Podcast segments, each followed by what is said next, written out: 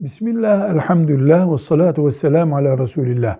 Müslüman bir erkek, Hristiyan veya Yahudi bir kadınla evlenebilir mi? Bu sorunun cevabı evlenebilir şeklindedir. Ama tereddütlerimiz var. Bir, kim Hristiyan? Sekülerist birisi Hristiyan sayılır mı? Gerçek İncil okuyan, Tevrat okuyan bir Hristiyan ve Yahudiden söz edebiliriz. İki, iffetli olacak. İffetsiz bir Hristiyan olsa ne olacak?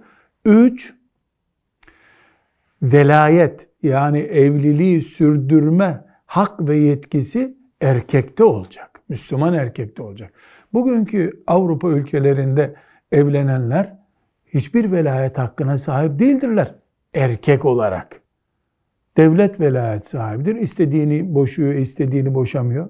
Hatta adı Müslüman olan ülkelerde bile erkeğin evlilik konusunda bir velayet hakkı yoktur.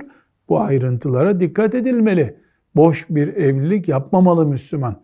Bir de Müslüman unutmamalı ki Resulullah sallallahu aleyhi ve sellem dindar olanı yani Müslümanı tercih edin buyuruyor. Velhamdülillahi Rabbil alemin.